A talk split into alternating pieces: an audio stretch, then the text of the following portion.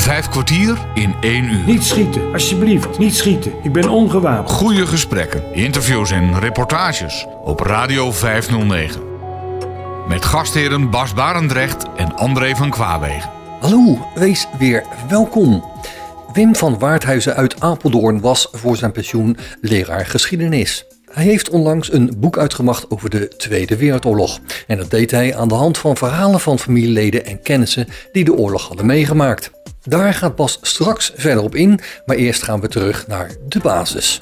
Wim van Waardhuizen werd geboren in Leiderdorp en komt uit een gezin van zeven kinderen. Leiderdorp was toen ik geboren een klein plaatsje. Uh, Leiden probeerde steeds Leiderdorp te annexeren, maar dat is nooit gelukt. Maar uh, de straat waar ik woonde, dat was eigenlijk uniek. Dat heb ik, tenminste zo achteraf, heb ik dat ervaren. Mijn vader was vrachtwagenchauffeur en door zijn vader kreeg hij een woning in Leiderdorp tussen chefs van een grote fabriek.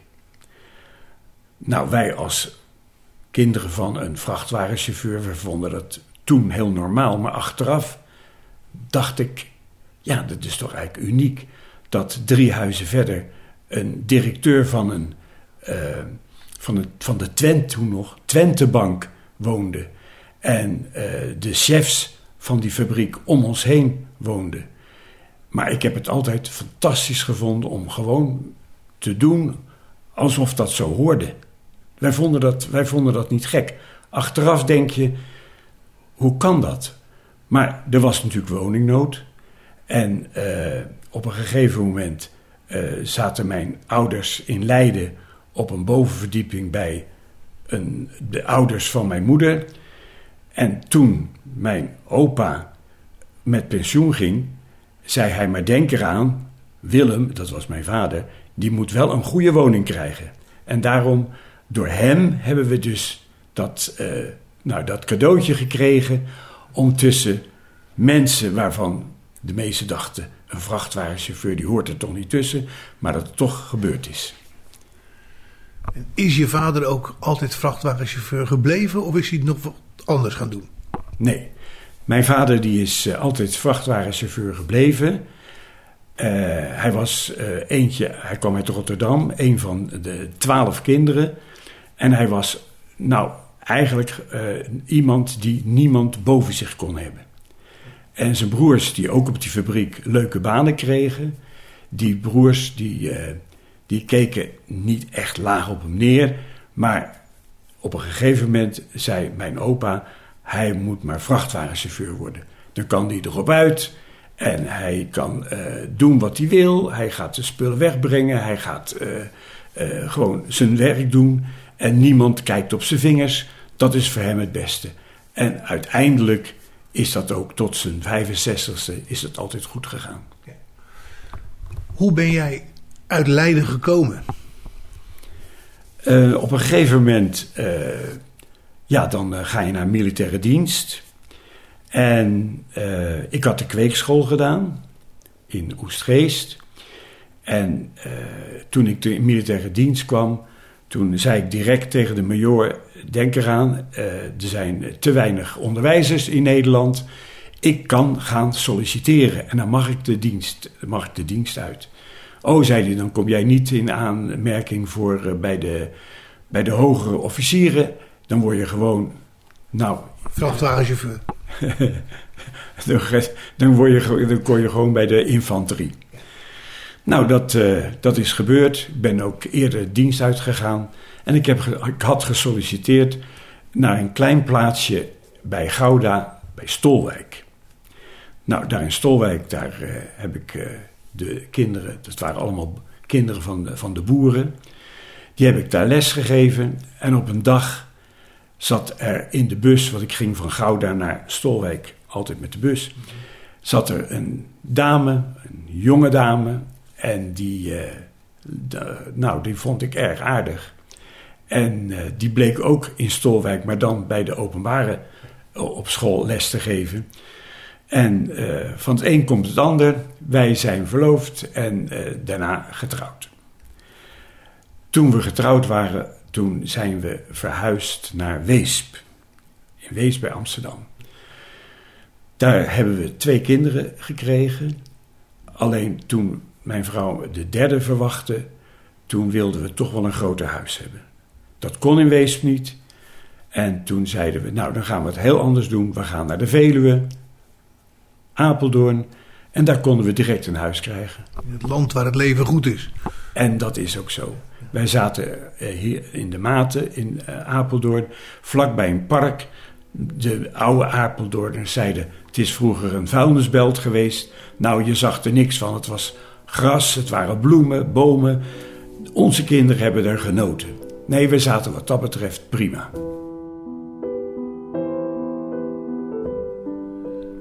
Maar goed, jullie werkten allebei nog bij het onderwijs. En op enig moment ging dat voorbij. Ja, uh, mijn vrouw die, uh, die zat bij het, eerste kleuteronderwijs, later het lager onderwijs. Uh, ik ging naar het voortgezet onderwijs. En dat hebben we tot onze nou, pensioenleeftijd hebben dat gedaan. En dan, ja, wat ga je dan doen? Nou, op een gegeven moment zeiden we, we gaan in ieder geval uh, iets doen voor de maatschappij. Uh, mijn vrouw is de politiek ingegaan, ik trouwens ook, maar zij wat meer uh, echt in de, in, in de fractie. En ik was op een gegeven moment secretaris van de partij waar wij dus steeds altijd op stemden. En toen? Op een gegeven moment was het zo dat je wordt wat ouder en uh, je, je gaat toch allerlei dingen ga je verzinnen. En uh, ik heb bijvoorbeeld ook nog, uh, ben ik penningmeester geweest van het HAPS-project. HAPS-project in Apeldoorn, dat is een prehistorisch kamp... waar kinderen van de lagere school drie dagen bivakkeerden. En dan leek dat alsof ze dus drie dagen in de prehistorie leefden. En dat heb ik ook een hele tijd gedaan was ook heel dankbaar werk. Kinderen vonden het altijd prachtig om, om daar te zijn. Uh, nou, en dan op een gegeven moment krijg je het moment van uh, corona. En de, bij de eerste lockdown dacht ik, ja, wat de kinderen vroeger zeiden op school, meneer, u moet eens een boek erover schrijven. Dacht ik, waarom zou ik dat niet doen? Ik heb zoveel mensen uit mijn omgeving, uit Leiden, Leiderdorp, die vertelde verhalen waarvan ik dacht dat zou toch eigenlijk niet verloren moeten gaan. Dat moeten we ergens vastleggen. En dat heb ik dus gedaan. Ik ben begonnen op de eerste dag van de lockdown. En ik ben zelf, uh, ontdekte ik al snel dat ik s'avonds het liefste schrijf. Dus ik ging dan, nou, ik begon dan een uur of elf. En altijd stevast, half twee stopte ik. Maar daar wist je vrouw in eerste instantie niks van. Nee, dat is waar. Uh, na een, nou ik denk drie maanden. Ik heb altijd gedacht, wanneer zegt ze dat nou? Wanneer vraagt ze nu, wat doe jij toch steeds bij die computer? Daar zat je op te wachten. Daar zat ik echt op te wachten. Nou, en toen kwam wel een keer op een avond dat ik weer naar bed ging. Dat ze zei van, wat doe je toch eigenlijk?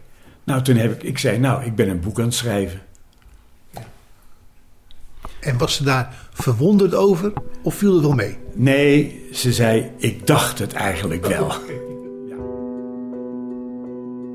Radio 509. Nou, dat, dat schrijven dat, uh, dat ging als volgt.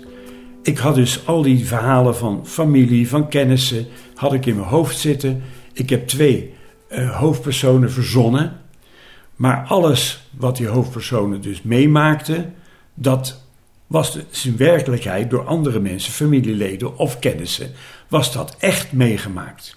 Er waren dingen bij waarvan ik dacht, was dat eigenlijk wel zo? Dan ging ik googlen, daar ging heel veel tijd in zitten, tot ik zeker wist, ja, het is waar, dat gebeurde ook in die tijd.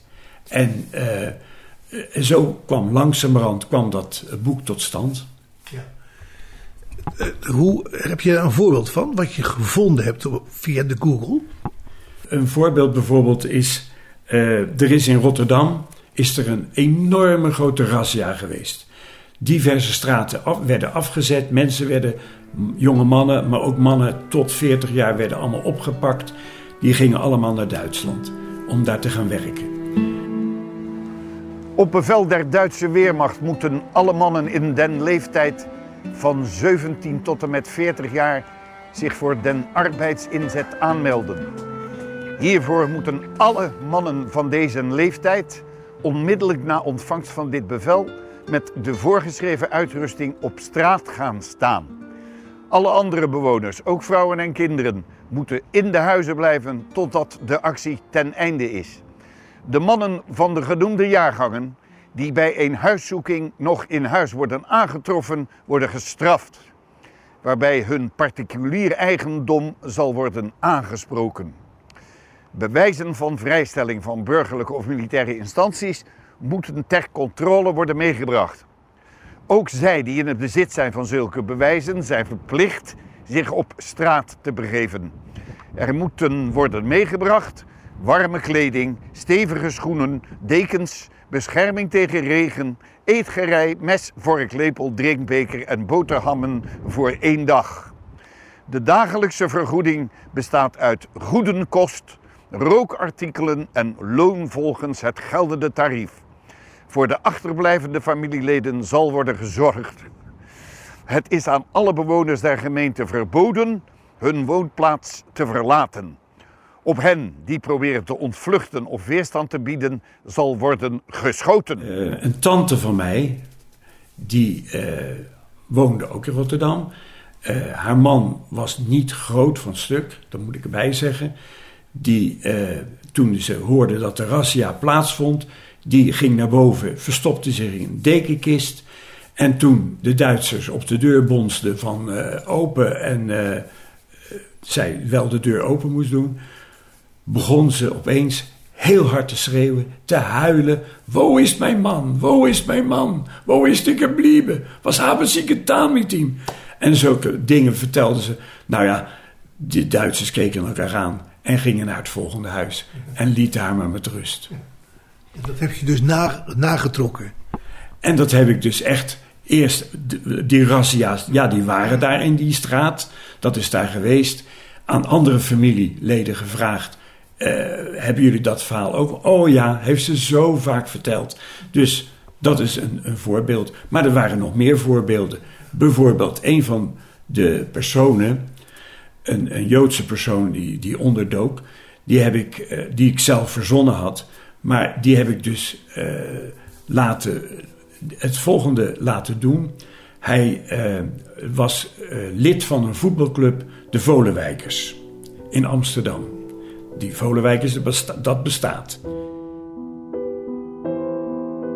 Bas Barendrecht spreekt momenteel met Wim van Waardhuizen, schrijver van een boek over de Tweede Wereldoorlog met fictieve personen die waargebeurde verhalen herleefden. Wat lees ik bij Google? Dat de Volenwijkers die worden in de oorlog landskampioen. Ze winnen dan van Herenveen. De beste club van Amsterdam is in die tijd niet Ajax, maar de Volenwijkers. Het is een echte volksclub met een stadion midden tussen de arbeiderswoningen van Amsterdam-Noord. In het seizoen 43-44 gaat het in het kampioenschap van Nederland tussen ADO en de Volenwijkers. Maar niet alleen op het voetbalveld waren ze elkaars rivalen.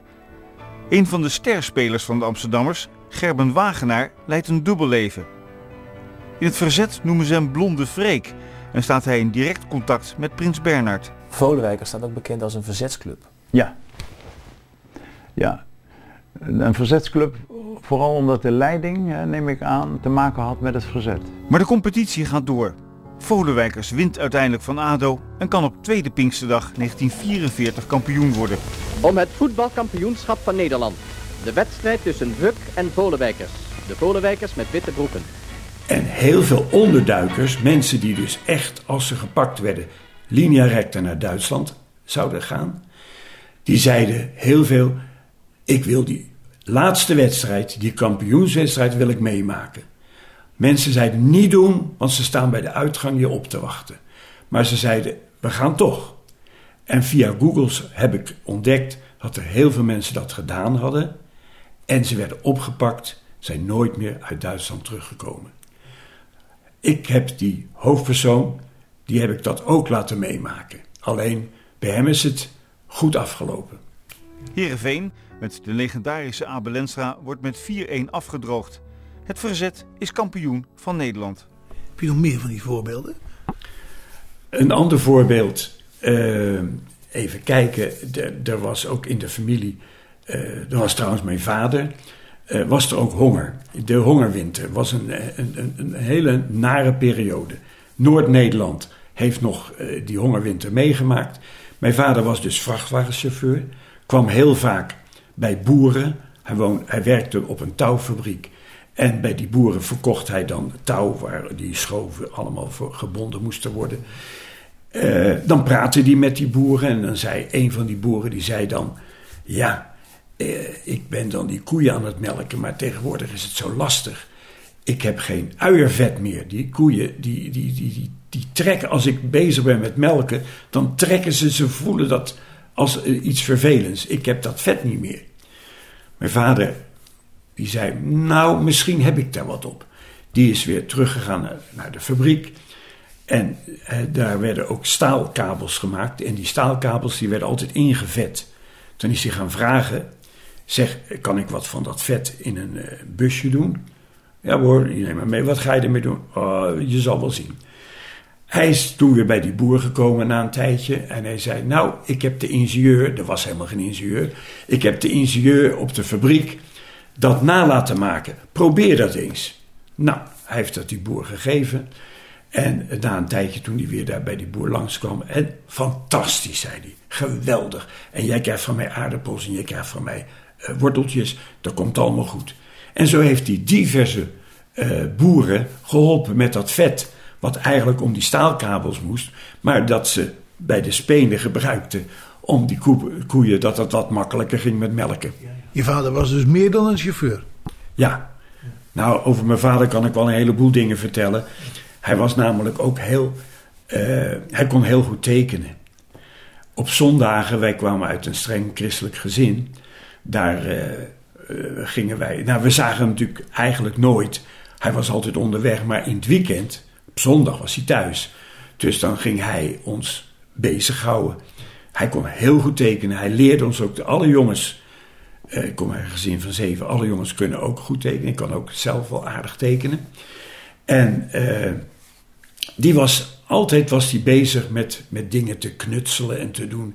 Het was, hij was ook heel technisch. Als er iets kapot ging, hij maakte het. Stofzuiger kapot. Hij maakte de stofzuiger. Nou, dat, eh, dat was. Eh, op een gegeven moment eh, werd er, eh, was er geen benzine meer. Toen kwam er op een gegeven moment een verhaal van... je kan ook een een of andere ketel achter op je wagen zetten... en met antraciet en met allerlei technische snufjes kan je ook rijden. Heeft hij gedaan. Hij vaak met zo'n ding heeft hij daar rondgereden door Nederland. Hij zei altijd, je moest wel heel lang starten voordat hij dit ding echt wel, dat die wagen weer ging rijden. Maar het was, het was eh, een, een, een echte techneut. Dat, dat kon hij. Je hield van je vader. Jawel, het was, het was een geweldige kerel. Hij, eh, hij vertelde ook eh, bijvoorbeeld dat hij met die vrachtwagen op een dijk reed. En dat hij dan opeens in de verte een jeep aan ziet komen met een Duitser, hoge officier, met chauffeur. En ja, zei hij, ik kan niet eventjes naar de kant gaan, want dan lig ik van de dijk af. Dus er kwam een klein beetje een soort schermutseling. En hij zegt, die man moest ook uitwijken. En ik rij weer door en ik zie in de spiegel, hij komt me achterna. En ik moet stoppen. En eh, die, die, die chauffeur die, die, die, rent op me af. En ik hoor in de verte, niet schießen, niet schießen. Hij zegt, nou, toen was ik toch wel echt eventjes heel bang geweest.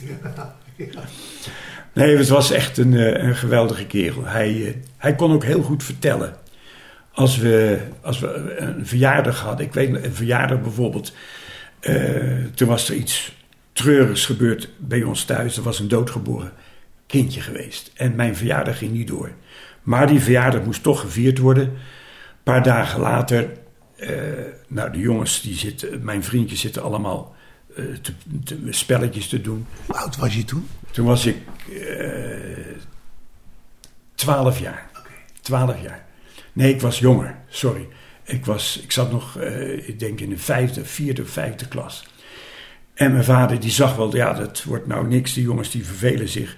Kom hier, zei hij. En dan ging hij een verhaal vertellen. En dan de hoofdpersonen, dat waren dan de jongens. Mijn vriendjes, die noemde hij bij naam. Nou, die zaten te genieten dat zij dat in dat verhaal beleefden. Nee, die kon, uh, die kon fantastisch uh, vertellen. Eén ding, dat kon hij dus niet. Hij, uh, hij las altijd na het eten las hij uit de Bijbel. En dat deed hij altijd op een toon dat je denkt van ja, wat is dit? En als hij dan de Donald Duck bij ons voorlas, dan zeiden we: Pa, waarom lees je nou niet uit de Bijbel ook zo op die manier? En dan zeiden nee jongen, dat is een heel ander boek. Dat doe je dan anders. Nee, ja. Dus dat wist hij wel. Ja. Vijf kwartier in één uur. Maar goed, die, die, al die dingen die in de familie dus uh, plaats hadden gevonden en kennissen. Uh, er was een, uh, een, een oom van mij die woonde ergens anders. Die ook op die fabriek trouwens werkte. Een broer van mijn vader. En die buurman, die, die had hout nodig. En tenslotte werden tijdens de hongerwinter door de bevolking ruim 1700 woningen afgebroken en meer dan 4000 beschadigd om houtmachtig te worden voor stookmateriaal. Het was hongerwinter, het was koud, het was een vreselijke toestand. Je had niks meer, geen steenkool. En die man die dacht, weet je wat ik doe? Ik, uh, ik zaag de boom voor mijn huis om. En dat gebeurde, maar boven. Dat, dat, die boom die kwam boven op het huis terecht. En dat, dat soort dingen, nou, dat, dat heeft die oom mij vaak verteld. Hij zei, nou ja, je wist niet wat je zag. En ze wisten gelijk wie de dader was. Wat heb je meer voor mooie verhalen?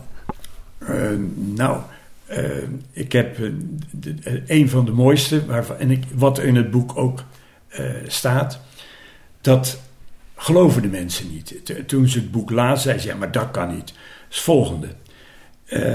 in Apeldoorn heb je hier een kazerne, de Willem III-kazerne. Die Willem III-kazerne die werd als gevangenis gebruikt uh, voor de, door de Duitsers. En uh, toen ik secretaris was van, van mijn partij, toen kregen we een uitnodiging om z'n allen een kijkje te nemen in die kazerne. En daar hebben ze nog de gevangenissen helemaal intact gelaten. Nou, verschrikkelijk om te denken dat daar negen mensen in een hele kleine ruimte moesten slapen, uh, de dag moesten doorbrengen. Nou, daar vertelden ze over, dat lieten ze me zien. En toen kwam ik uh, bij de uitgang en toen zei meneer... U hebt geloof ik wel veel interesse voor gezien. Ik heb hier wat tijdschriftjes, brochures. En wat staat er in een van die brochures? Het volgende. Er is nooit iemand ontsnapt uit deze gevangenis. Behalve één groep. En die groep bestond uit negen mensen. En één daarvan was een Jood, een Joodse man. Dat vond ik al frappant, want de Joodse mensen werden vaak allemaal direct afgevoerd naar. Maar dat staat in die brochure. Er was één Joodse man. En ze werden slecht behandeld, maar ze mochten wel uh, spullen van thuis vragen. Dus als iemand zei, bijvoorbeeld zei: Ik heb uh, ik, ik, ik, zou graag uh, wat schrijfmateriaal willen hebben, dan kon dat. Hij vroeg op een dag: Het is hier zo koud, kunnen jullie geen oorwarmers sturen? En die oorwarmers, die kreeg hij. Die heeft hij uit elkaar zitten halen.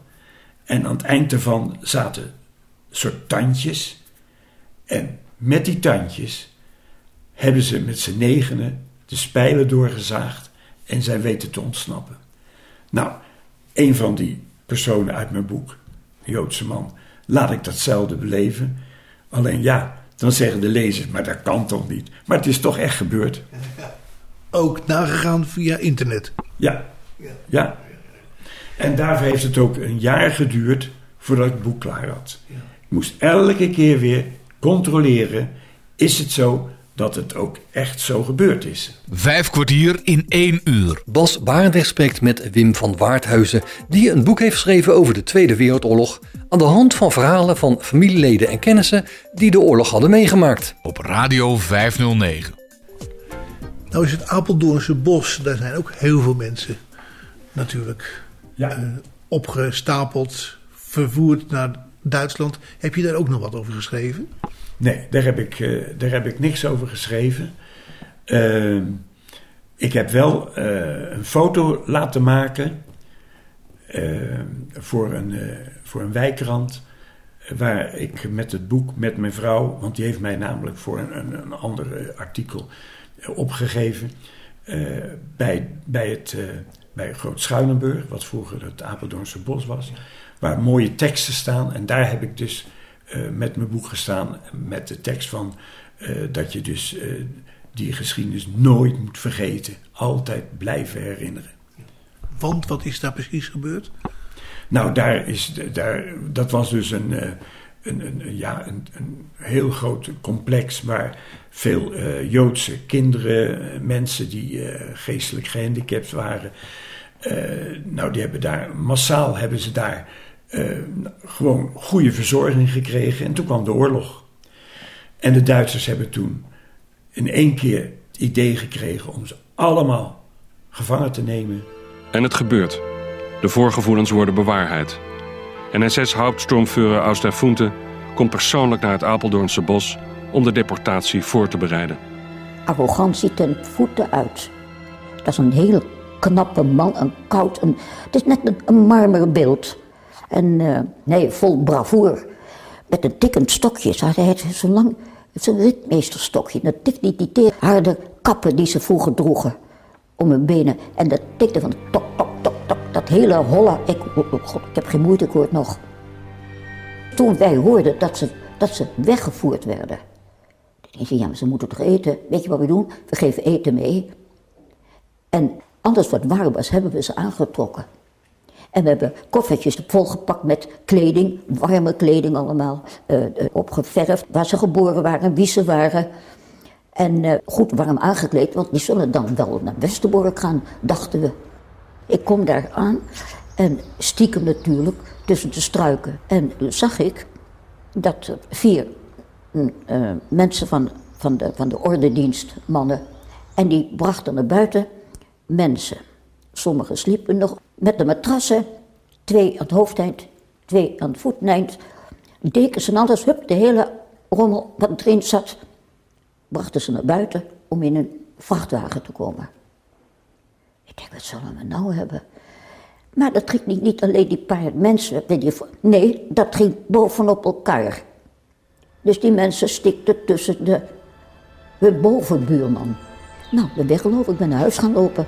Maar achter mij kwamen die volgestopte vrachtauto's. En in sommige was het een gevecht, een geschreeuw, dat die vrachtauto's, die schommelden gewoon heen en weer. Toen ging ik kijken stiekem en toen zag ik een enorme lange trein op het station staan. En daar werden die mensen allemaal inges- inge- ingestopt en gestompt. In de nacht van 21 op 22 januari 1943 worden alle 1300 patiënten en 50 verplegers per trein rechtstreeks naar vernietigingskamp Auschwitz gebracht. Daar worden ze, nog in de wagons, direct vergast. Niemand overleeft. En niemand is ooit teruggekomen. Onvoorstelbaar, hè? Ja, het is onvoorstelbaar. Je, dat begrijp je gewoon niet. Dat, dat mensen elkaar aandoen, dit aandoen. Terug naar jouw boek. Wat heb je nog meer voor verhalen eh, eh, daarin staan? Ja, eh, bijvoorbeeld de, de. Even kijken. De, in het begin, dan, want het, het boek is Vijf verloren jaren, 1940, 1945. Dus ik laat de hoofdpersoon laat ik als eh, dienstplichtige. eh, laat ik hem eh, dat hij bij de Moerdijkbruggen de Duitsers moet proberen tegen te houden. Nou, en daar, daar zijn ook dingen gebeurd dat je zegt van, ja, dat is toch onmogelijk dat, de mensen zo daar, door, dat die soldaten die daar dus echt gewoon overvallen werden door bepaalde dingen waarvan je later kan zeggen, de leiding was toch niet zo heel erg alert. Want, eh, en dat is dus ook allemaal na, heb ik allemaal nagezocht. Op het moment dat dus de oorlog om drie uur s morgens 9 mei begint, dan laat ik de hoofdpersoon bij zijn uh, verloofde zijn in een straat in Wassenaar. En in die straat, daar woonde echt generaal Winkelman. Ja. Generaal Winkelman was het hoofd van het Nederlandse leger. En die uh, hoofdpersoon van mij, die, woont, die woonde dan, en dat is verzonnen, vlakbij dat huis van Winkelman. En daarnaast woont dan een meneer, en die meneer die heeft een Duitse naam. Gleichman heet hij, maar het is een Nederlander. En die Nederlander die hoort vliegtuigen boven Wassenaar, die gaat gelijk het huis uit, staat in de tuin te kijken en zegt dan tegen de buurman, en dat is dan de jongen, die hoofdpersoon, dat zijn Duitsers. Messerschmitt, kan niet anders. Maar ik zie nog steeds Winkelman niet. Dus wat doet hij? Hij gaat aanbellen bij Winkelman. Dan doet zijn dochter open. En ja, vader komt er zo aan. En dan komt Winkelman naar buiten en vraagt dan aan die buurman: zijn, wat zijn dat voor vliegtuigen? Nou, zegt hij, dat zijn Duitsers. We zijn in oorlog. Zal ik u naar het hoofdkantoor brengen? Nou, mijn chauffeur die komt wel. Maar die chauffeur kwam niet. Dus hij heeft Winkelman met privé, met zijn eigen auto, naar het hoofdkantoor gebracht. Nou, en dan later horen de soldaten dat ze dus niet echt direct gewaarschuwd waren van nu gaat het gebeuren. Het had wel kunnen gebeuren. Nou, dat soort dingen. Helemaal nagekeken, allemaal opgezocht. En ja, zo is het toen echt gegaan. Proclamatie van Hare Majesteit de Koningin. Mijn volk, nadat ons land met angstvallige nauwgezetheid al deze maanden een stipte neutraliteit had in acht genomen, is in de afgelopen nacht door de Duitse Weermacht zonder de minste waarschuwing een plotselinge aanval op ons gebied gedaan. Ik richt hierbij een vlammend protest tegen deze voorbeeldenloze schending van de goede trouw en aantasting van wat tussen beschaafde staten behoorlijk is. Ik en mijn regering zullen ook thans onze plicht doen. Doet gij den uwen met de uiterste waakzaamheid en met die innerlijke rust en overgave waartoe een rein geweten in staat stelt.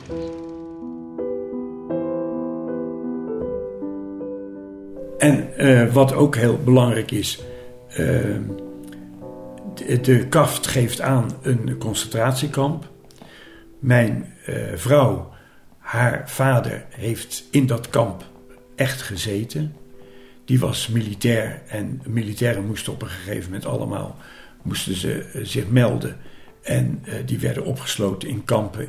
Hij kwam in Polen. En daar heb ik ook heel veel verhalen van gehoord. Dat heb ik ook uh, in het, uh, een van de personen die maakt dat ook mee. Datzelfde wat mijn schoonvader dus mee heeft gemaakt. En nou, dat is ook ongelooflijk wat je dan hoort, hoe ze dan daar behandeld worden. En hij is, heeft één ding heeft hij dus gedaan wat, wat heel gevaarlijk was. Hij is gevlucht omdat de Russen er al aankwamen. En is toen uh, lopend, dan weer met de trein, uh, bij een boer helpend. Dan zei die boer, hier heb je wat geld, dan kan je weer verder met de trein. Nou, een voorbeeldje. Hij zit opeens in Polen in een Nederlandse trein. En nou ja, hij dacht, hoe kan dat? Maar dan bleek later dat toen de, de spoorwegstaking was in Nederland, hebben die Duitsers gezegd: Oh, jullie gebruiken die treinen niet, jullie staken die treinen kunnen wij mooi gebruiken. En die stuurden ze zo naar, uh, naar andere gebieden, ergens in, in, Polen bijvoorbeeld, waar dan uh, mijn schoonvader opeens ontdekte dat hij in een Nederlandse trein zat. Maar je schoonvader heeft de oorlog wel overleefd? Jawel, ja. Hij, uh, hij, heeft dat, hij is broodmager is die, thuisgekomen. Maar weer aangesterkt? Maar hij is wel, want hij is in 45 kwam hij terug en in 46 is hij gaan trouwen. En zijn eerste dochter, Dat is mijn uh, huidige vrouw.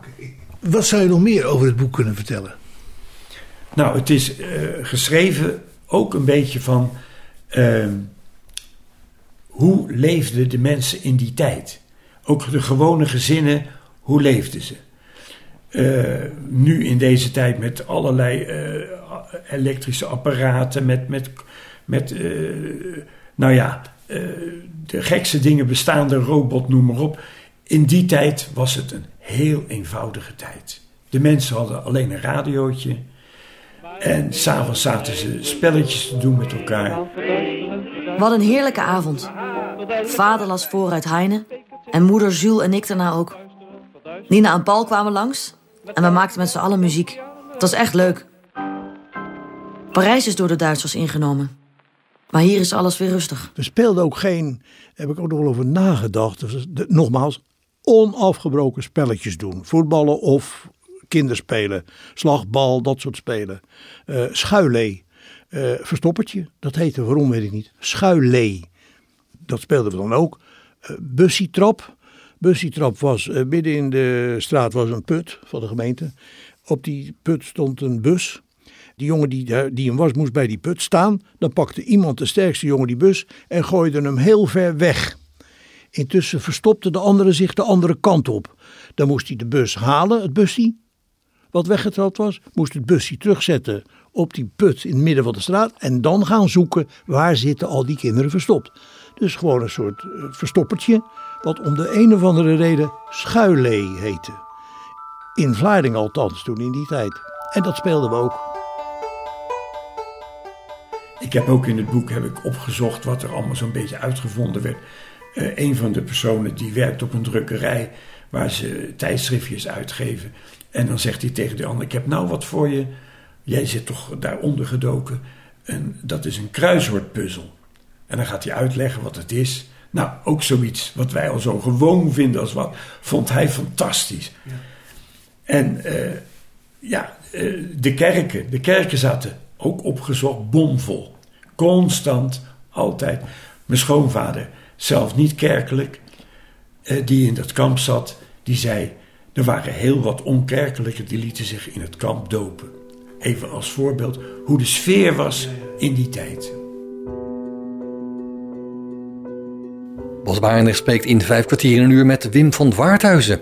En dat is een schrijver van een boek over de Tweede Wereldoorlog. En dat deed hij met fictieve personen die de waargebeurde verhalen herleefden. Nou, de, de, de sfeer uh, van het boek is uh, zoveel mogelijk dat er gewone dingen gebeurden, maar ook hele rare dingen. Uh, nou, ik, in het boek komt bijvoorbeeld ook een NSB'er voor, een neef. Neef is een NSB'er. En dat is een hele fanatiekeling. En uiteindelijk uh, gaat hij zo ver dat in een gesprek met uh, een andere hoofdpersoon die zegt: Ik zou ook zelfs mijn familie aanbrengen. Als ik wist hè, dat ze. Ik zou het zeker doen. Ja, de groenteman die wou geen aardappelen geven. Nou, ik zeg geen aardappelen. Laat ik je weghalen. Nou, toen kreeg ze dan wel aardappelen, hoefde geen bon te geven. Dus en zo werkte dat allemaal. Ja, dan heb je de macht in handen. En dan uh, kun je je mond opentrekken. Dus als hij geen aardappelen geeft, dan haal ik de, de groene politie erbij. Ja, en dan word je weggehaald, klaar, overuit. Ja, nee, maar het is goed. En uw vrouw krijgt wel aardappelen. Ik zeg, ja, en groenten. Want enkel aardappelen kan ze niet leven. Ik weet wel dat ze bijna niet tevreden hadden. En dat ze dan uh, af en toe een hielden. En dat ze dan, uh, hoppakee, wegplaten maakten. Die gingen naar uh, dan weet ik veel waar ze naartoe drukken, werden gedrukt. Ja, en daar zijn de, de heren vergast en, en uitgemergeld. En gingen kapot, gingen gewoon dood. Ja, en daar, ja, daar heb ik nou nog geen wijd van. Nou, dat soort dingen, dat fanatieke met anderen die nonchalant zeggen: Nou ja, ik, ik, ik zou dat nooit kunnen. Joden in, in huis nemen en laten onderduiken. Eh, ik, ik, probeer zo gauw mogelijk die eh, oorlog te vergeten en te leven dat ik aan, aan het eind van de oorlog dat ik het overleefd heb. En anderen, maar ik wel. Ik zou het zeker doen. En, en heb ik ook uit de familie die mensen hebben laten onderduiken. Op een zondagavond kwam er een, iemand aan de deur en die vroeg of mijn vader kon spreken. En mijn vader is met hem naar de schuur gegaan. En uh, toen, uh, wat daar besproken is, weet hij niet. En toen hij terugkwam, mijn vader, toen zei mijn moeder tegen mijn vader: Je hebt toch ja gezegd? En mijn moeder lag ziek op bed en ik had een vriendinnetje bij me. En ik vroeg me af waar, waar, ja, waar hij ja voor moest zeggen. Maar ik had geen idee. Want uh, ja, waar moet je nou ja voor zeggen? Ik wist niet even wie het was. En uh, zo is die man de volgende dag gekomen, dat was de Levi. En dat was een hele verandering voor ons. De Levi woonde in de voorkamer en wij konden achterblijven in de achterkamer. En wij hadden maar één kamer meer tot onze beschikking. En dat was wel heel erg moeilijk. En de eerste weken toen hij alleen was, uh, was het met eten en drinken nog niet zo erg. En mijn vader die heeft heel veel dingen bij hun uit huis gehaald. Totdat zijn vrouw en kinderen kwamen, zes weken later ongeveer. En toen was het hele ritme in huis uh, weg. Voor hadden we de onderduikers. En voorkamer was voor hun. En de achterkamer was voor ons. En een slaapkamer. En ja, je kon geen mensen en geen bezoek meer ontvangen. En uh, het eten was op dat moment nog niet zo'n probleem. Maar dat werd wel een groot probleem toen er meer onderduikers kwamen bij ons. Ik moest altijd alle boodschappen halen. En tot uh, eh, 43 stond een advertentie in uh, de krant. En toen uh, zijn we van de, van de NSB-kantoor vroegen ze een meisje op kantoor. En toen zei mijn vader, daar ga jij naartoe. En toen hadden we al uh, zes, zeven onderduikers. En toen hadden we ook nog nooit geen bonkaarten. En met zeven onderduikers en dan geen bonkaarten. Dat was natuurlijk wel een heel probleem voor ons. Hoe we het gered hebben, ik weet het niet meer. Maar in ieder geval, ik, ik fietste alles af, alle winkels die ik maar kon vinden. En wat er te eten was, nam ik dan maar mee. Er kwamen al meer onderduikers. Uiteindelijk hadden we 13 onderduikers in huis, waarvan vijf kleine kinderen en acht grote. En voor die kleine kinderen was het heel moeilijk, want die moesten de hele dag stilwezen. Die mochten niet huilen, die mochten niet spelen. En uh, dat gaf heel veel problemen. Maar we hebben het gelukkig gered tot de bevrijding. We hebben allemaal te eten gehad, altijd. En uh, alles is verder goed verlopen. Met alle moeilijkheden die er wel waren. Uh, de, de Hoge Woerd, dat is dan waar een, een, uh, een man woont die kolen, brandstof, petrolie verkoopt. Ja. En ik heb genomen een man uit Wassenaar, dat is dan het meisje die woont in Wassenaar, die directeur is van een uh, oliemaatschappij. Echt om eventjes die verschillen te laten zien. En dat uh, die uh, mensen van Wassenaar, dat ze met pijn en moeite dan toch uiteindelijk wel mensen laten onderduiken bij hun. Mm -hmm. En die kolenboer, zal ik maar zeggen, die deed het veel makkelijker. Die zei, jawel, dat, dat moet je doen. Als christen moet ik die mensen laten onderduiken. En dat verschil ook, en niet om nou, dat die mensen, want die hebben ze vast ook uh, onderduikers gehad uh, in Wassenaar, maar om even het verschil te laten zien van de een, die durft het, die doet het. En de andere, die kijkt de andere kant op. En ik, wil, ik, ik durf dat niet aan. Ook daar kan ik dus voorbeelden van geven dat ze op een gegeven moment uh, bezoek krijgen. En uh, dat, dat, dat dan echt van dezelfde kerk mensen zeggen. Als die Duitsers zeggen: Hebben jullie onderduikers? Dat ze ja zeggen, want ik mag niet liegen. En van diezelfde kerk, als dan Duitsers zeggen: Hebben jullie onderduikers? Nee hoor, die hebben wij niet.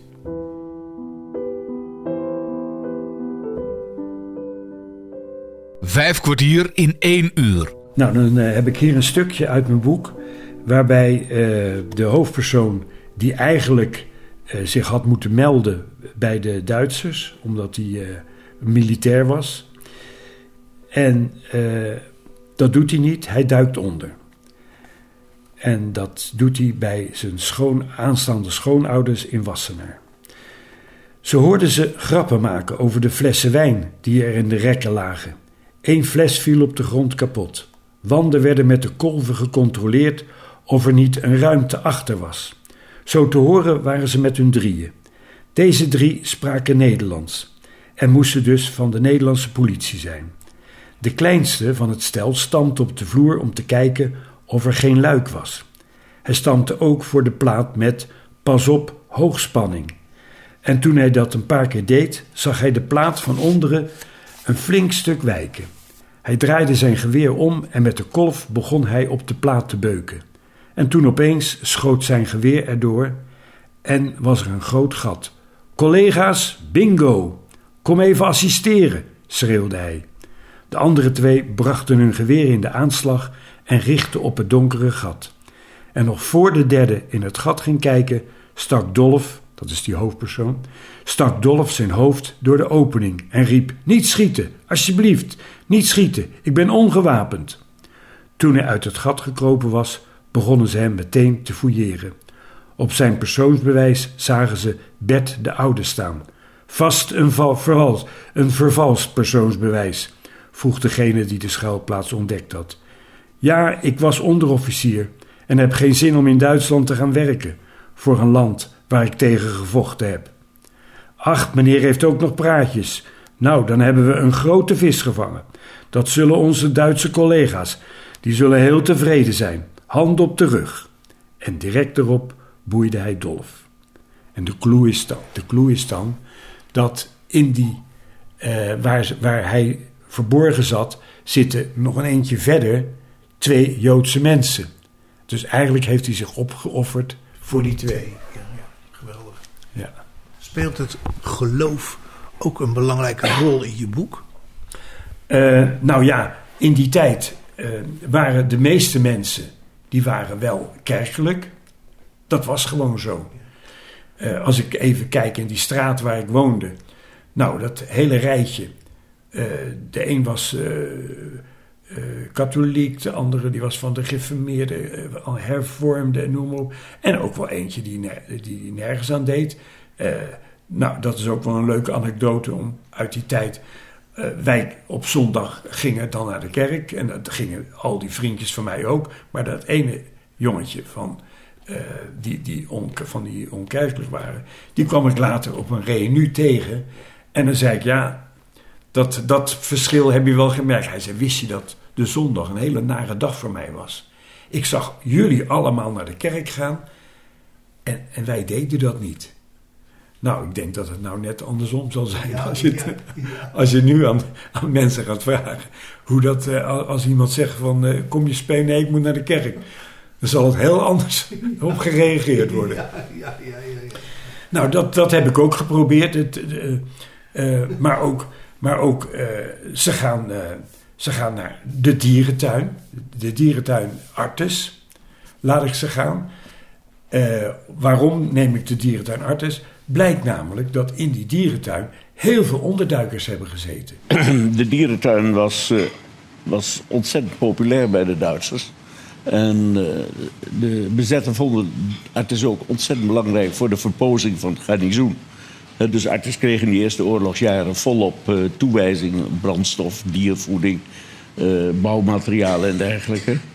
En op de een of andere manier stond die dierentuin buiten iedere verdenking.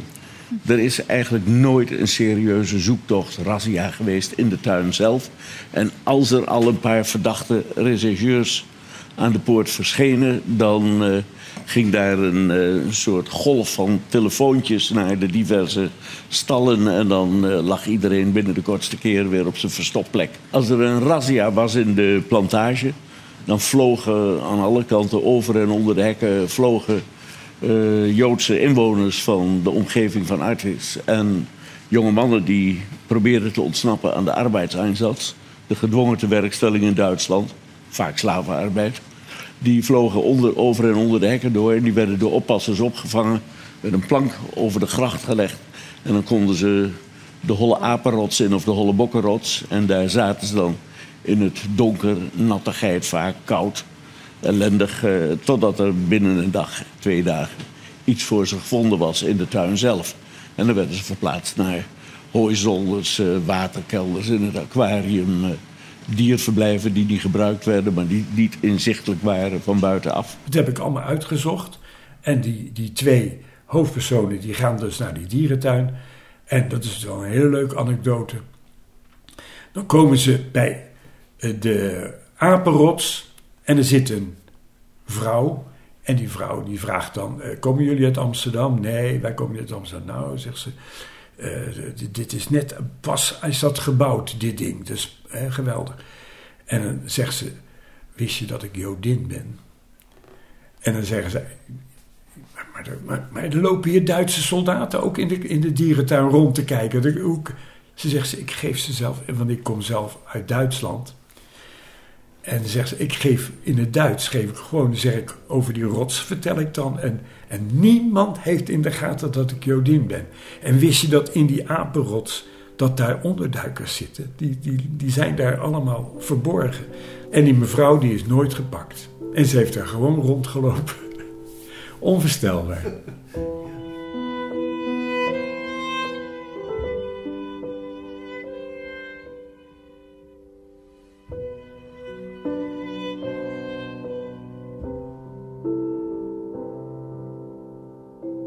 Jouw boek is te koop, Wim. Ik, uh, ik heb hem niet geschreven om, uh, om rijk van te worden. Ik heb hem geschreven gewoon om uh, mensen iets van die Tweede Wereldoorlog, hoe dat nou precies gegaan is, om dat door te geven. Ehm, je, moet, je moet dat niet vergeten, dat, dat mag niet verloren gaan, hoe, hoe die periode geweest is. En dus dat is in ieder geval. Het is eigenlijk een, een, lange geschiedenisles, maar dan op een prettige manier, waardoor je op een makkelijke manier dat allemaal kan verwerken.